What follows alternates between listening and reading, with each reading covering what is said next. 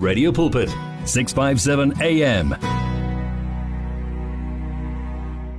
1433 ngisahleli nawe 0123341322 asijule ke ngezwi ungathumela ne WhatsApp voice note ku 0826572729 uh, ungathanda ukushare the word noma kukhona okungakuphethe kahle enhlizweni eh kukhona nalokho kokuphethe kahle okujabulisayo singathanda ukuthi si celebrate nawe 0123341322 012338699 sawubona usemoyeni?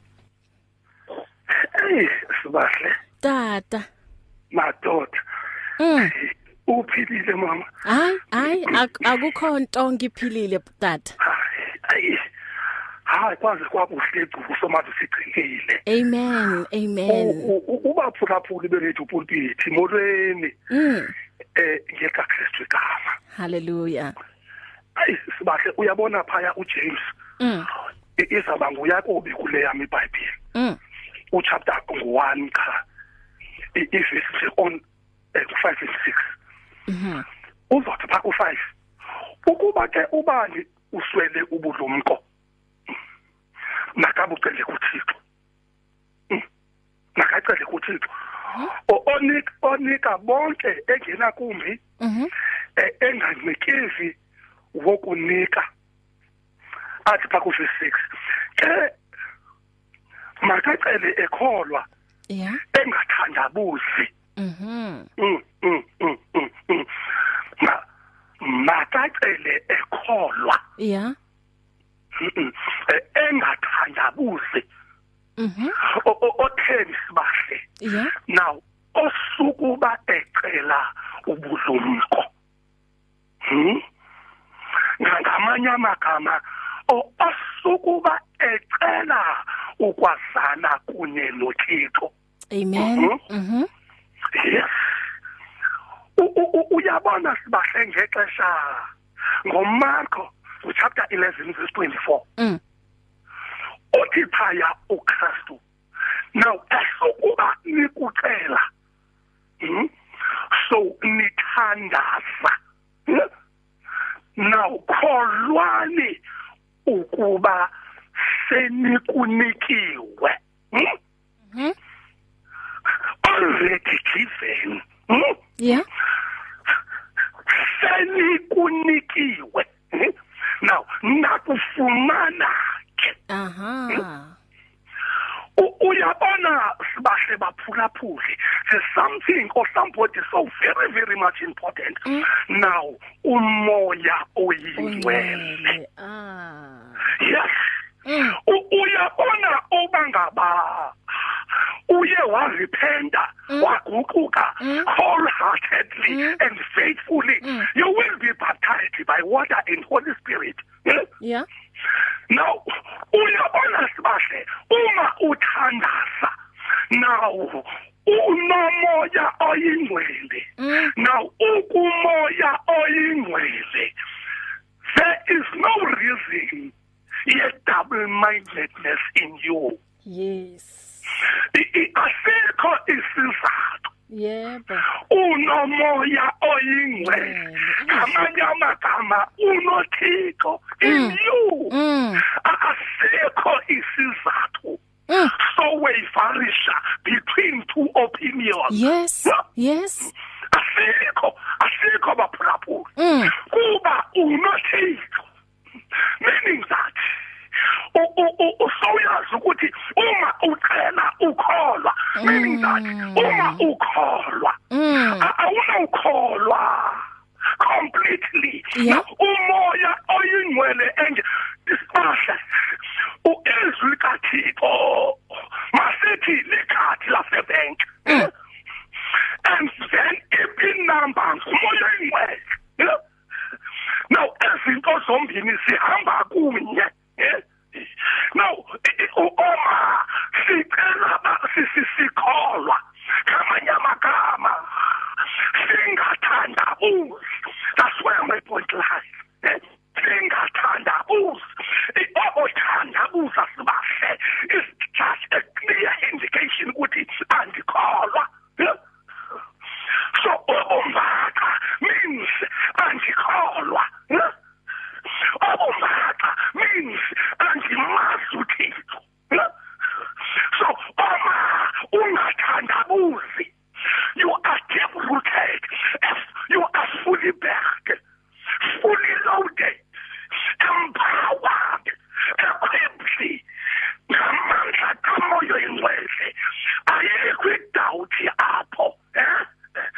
what we are waiting for we are waiting for uJesus obuyayo sibasho sekhona na mama nginawe tata nginawe.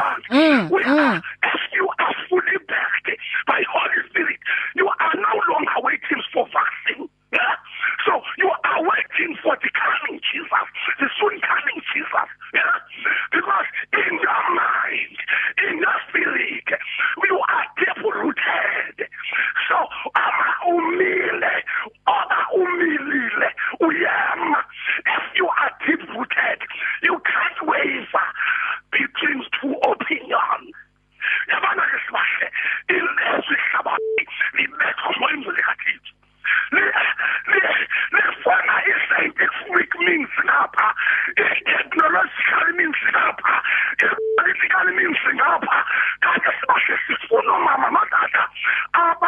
aba-spiritually correct yo these days we are really in need. Yotata aba-spiritually correct amen. Oh mama. Kumoya ingcwele Aha. angaxutshwa nemfundo. Yebo. Umoya ayingcwele angafuni diploma na degree. Hmm. so afuna nje mama umngatanga umphoko kwetalo Ngikuzwa You will be kahle. Amen. You will be very Amen. powerful. Amen. You will be very powered. Mm. Courageous, motivated, and, and crispy. mama masibulele yabona intandabuso i-double mindedness awukwazi sibahle uthutha amanzi ngapha uthutha nomthandazo ngapha uthutha amayeza ngapha uthutha namandla lothixo ngapha you can't you Amen. can't waver between two opinions uzothi kubenini why amakholwa are so very weak? Because sisithi si-double minded double mindedness is very dangerous yabona ke imfundo ngenathixo nokuthi bungenathixo uzakwenza lapha lapha people will be so very much confused and frustrated what to do when with covid they do not know what to do yes bafuna izimoko bafuna isanitize abafuna thixo our own creator our resource provider amen si Oh, ay siyabajabulele. ngikuzwile baba siyabonga lentshumayelo enamandla Usoma kakhulu. bless you Amen. bless you Amen. mm. umfundisi bangani ebesharela from the word uh elika James 1:5 verse 6 usemoyeni sawubona Oh okay sihambile sizame ngala. Okay um asithembe ukuthi uzobuya futhi. Asiye la ke kuma voice note sizwe ukuthi ukhalimambo uthini?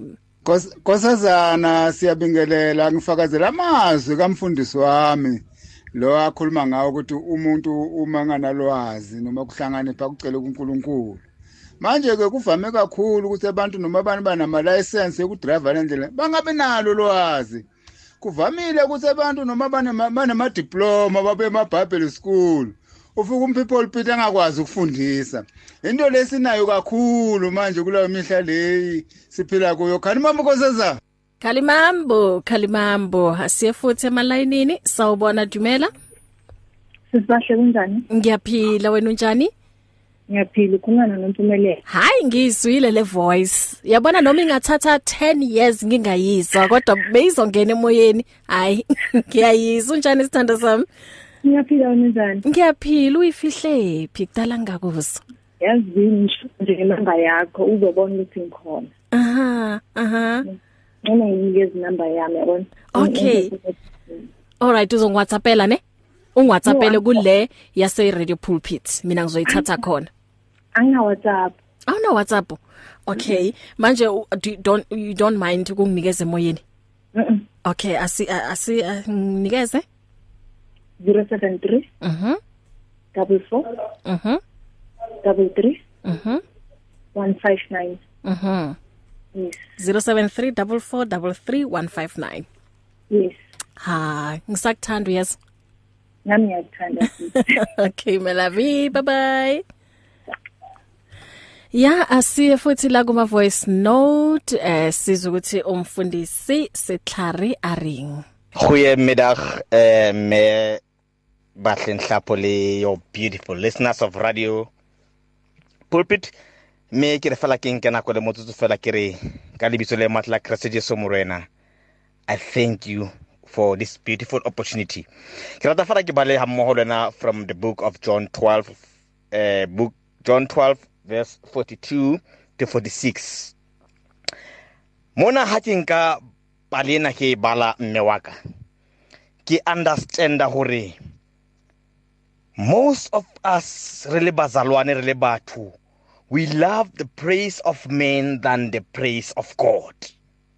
But Christ he cried so loud he said believe in me because whoever believes in me he believes to the one who has sent me I'm not saying doing all these things by myself, but because of the one who have sent me, this is the way I'm doing this. Nevertheless, even amongst the rulers, many believed in him, Christ. But because of the Pharisees, who is your Pharisees? Because of the Pharisees, they don't confess, they don't confirm what Jesus Christ is the Lord, he is the Savior, he is and forever he shall be. Because the Pharisees boholo banako mme waka we, we we tend to avoid re bua the word of God because of re batla only to talk about Christ when we are on the comfortable zones. Ka nako eo moya o halelang o re talk the word rona re sheba gore na who who's looking around. Ebe ra ipata. That is your pharisees. You need to make sure you eradicate that spirit ya ba pharisees in your life. Because of the Pharisees and because of the positions they fear to lose when they confirm and confess that Jesus Christ he is the Lord and the Savior and the King of Kings they they, they will withdraw. Ba ikhulela morago they they fear to speak this they fear to confess this for they fear to lose their positions in the synagogues. Boholong bana ka maphelong a rona even in our places, workplaces, in our churches, in our countries. We fear to talk the things that God tells to tell because retaba who lose the positions. We fear to be cast out of the synagogue. Synagogue ya ke efeng? What is your who is your Pharisees? Who yena yena ya find the problem to confess and to confirm. That's the problem. But lentswe le monate ke re jesu o re why do you like to be praised by men than for you to praise god? Die to yourself and live in god. Lebala ho batho ba reng pass the way through the word of god things will change. Bolela lentswe la modimo. Change maphelo a batho. Stop stop stop fearing hore eh ha ke bua eh, what, people will say. Ba bang ba rona we fear to talk in in our families. We re bazalwane but our family members they don't know. Re bazalwane but our friends they don't know. We say we are born again but people who are around us they don't know. Why? Because we fear to be cast out of the synagogue. We fear to be cast out of the synagogue. But Christ says, do not be happy on glorifying or praising men, but praise God. Praise God. Hage balake qetella verse 40 43 ere for they love the praise of men more than the praise of God. Then Jesus cried out loud and says, Who believes in me believes not in me, but who to the one who has sent me. And who sees me, he sees the one who has sent me. In other words, if you take the word of God, saying you are you are not just if if if if Amela Christ as your savior in your life as your Lord, you are not actually accepting Christ alone, but the one who has sent him, God Himself. Come on, Suana. May God bless you. And your beautiful, wonderful listeners. In the name of the Father, name of the Son, in the name of Holy Spirit. Walk in the light, for Christ is light. He is light. He is light. In Jesus Christ's name, amen. Wow, that's powerful Muruti Sitlari. Thank you so much. Ubeshorela la from Ezwini John 12 from verse 4. Ngaqhubeka nje nayo. Siyabonga uh, kubo bonke abasherile izwi. Ngicela ukuthi ke ngibaphelezele ngalomhlabelelo omnandi weGBR worship bethi hororiswe uma ngibuya ngibuya naye umfundisi uPrince Nhlapo ezosinikeza imotivation. If you need prayer please send your request to prayer at radiopulpit.co.za or WhatsApp 067 429 7564 or go to Radio Pulpit website on www.radiopulpit.co.za.